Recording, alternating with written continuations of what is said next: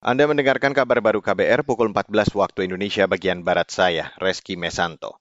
Saudara pemerintah tengah menyusun rancangan perpres percepatan pelaksanaan reforma agraria untuk memenuhi target reforma agraria yang telah ditetapkan sampai 2024. Deputi Bidang Koordinasi Pengembangan Wilayah dan Tata Ruang Kementerian Koordinator Bidang Perekonomian Wahyu Utomo mengatakan, Hingga September 2022, target reforma agraria untuk legalisasi aset sudah mencapai 92 persen, sementara redistribusi tanah baru 33,24 persen.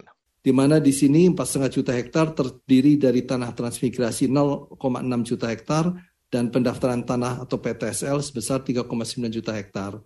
Terkait dengan pendaftaran tanah PTSL memang sudah melebihi target Bapak Ibu sekalian, namun untuk tanah transmigrasi ini yang masih di bawah target. Deputi Bidang Koordinasi Pengembangan Wilayah dan Tata Ruang Kementerian Koordinator Bidang Perekonomian Wahyu Utomo menambahkan, target reforma agraria untuk legalisasi aset sudah mencapai 4,14 juta hektar dari target 4,5 juta hektar. Legalisasi aset terdiri dari tanah transmigrasi dan pendaftaran tanah atau pendaftaran tanah sistematis lengkap atau PTSL. Beralih ke berita selanjutnya, Saudara. Pabrik sepatu di Kabupaten Rembang, Jawa Tengah mulai mengurangi pekerja.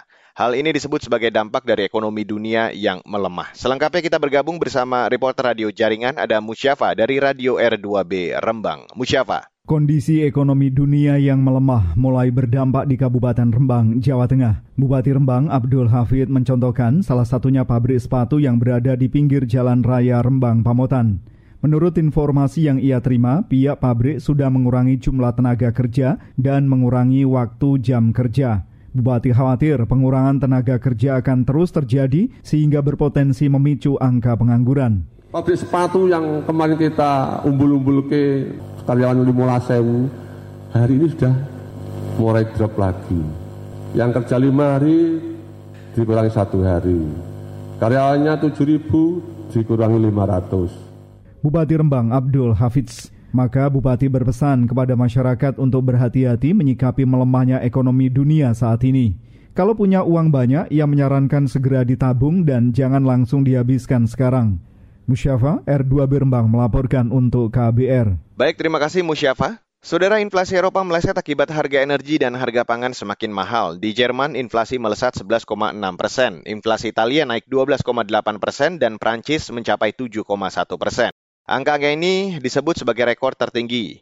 Mengutip CNN Business, harga energi melonjak nyaris 42 persen. Harga makanan, minuman alkohol, dan tembakau naik 13 persen. Harga-harga di sektor jasa juga meningkat lebih cepat pada Oktober dibanding September.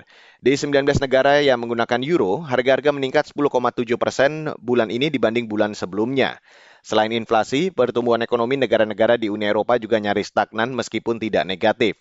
Periode Juli-September atau kuartal ketiga, pertumbuhan produk domestik bruto atau PDB di kisaran 0,2 persen dibanding kuartal sebelumnya. Ekonom memperkirakan resesi akan tiba selama musim dingin Eropa karena harga energi memaksa orang Eropa untuk menjaga dompet mereka. Baiklah saudara, demikian kabar baru yang dipersembahkan oleh kantor Berita Radio. Saya Reski Mesanto.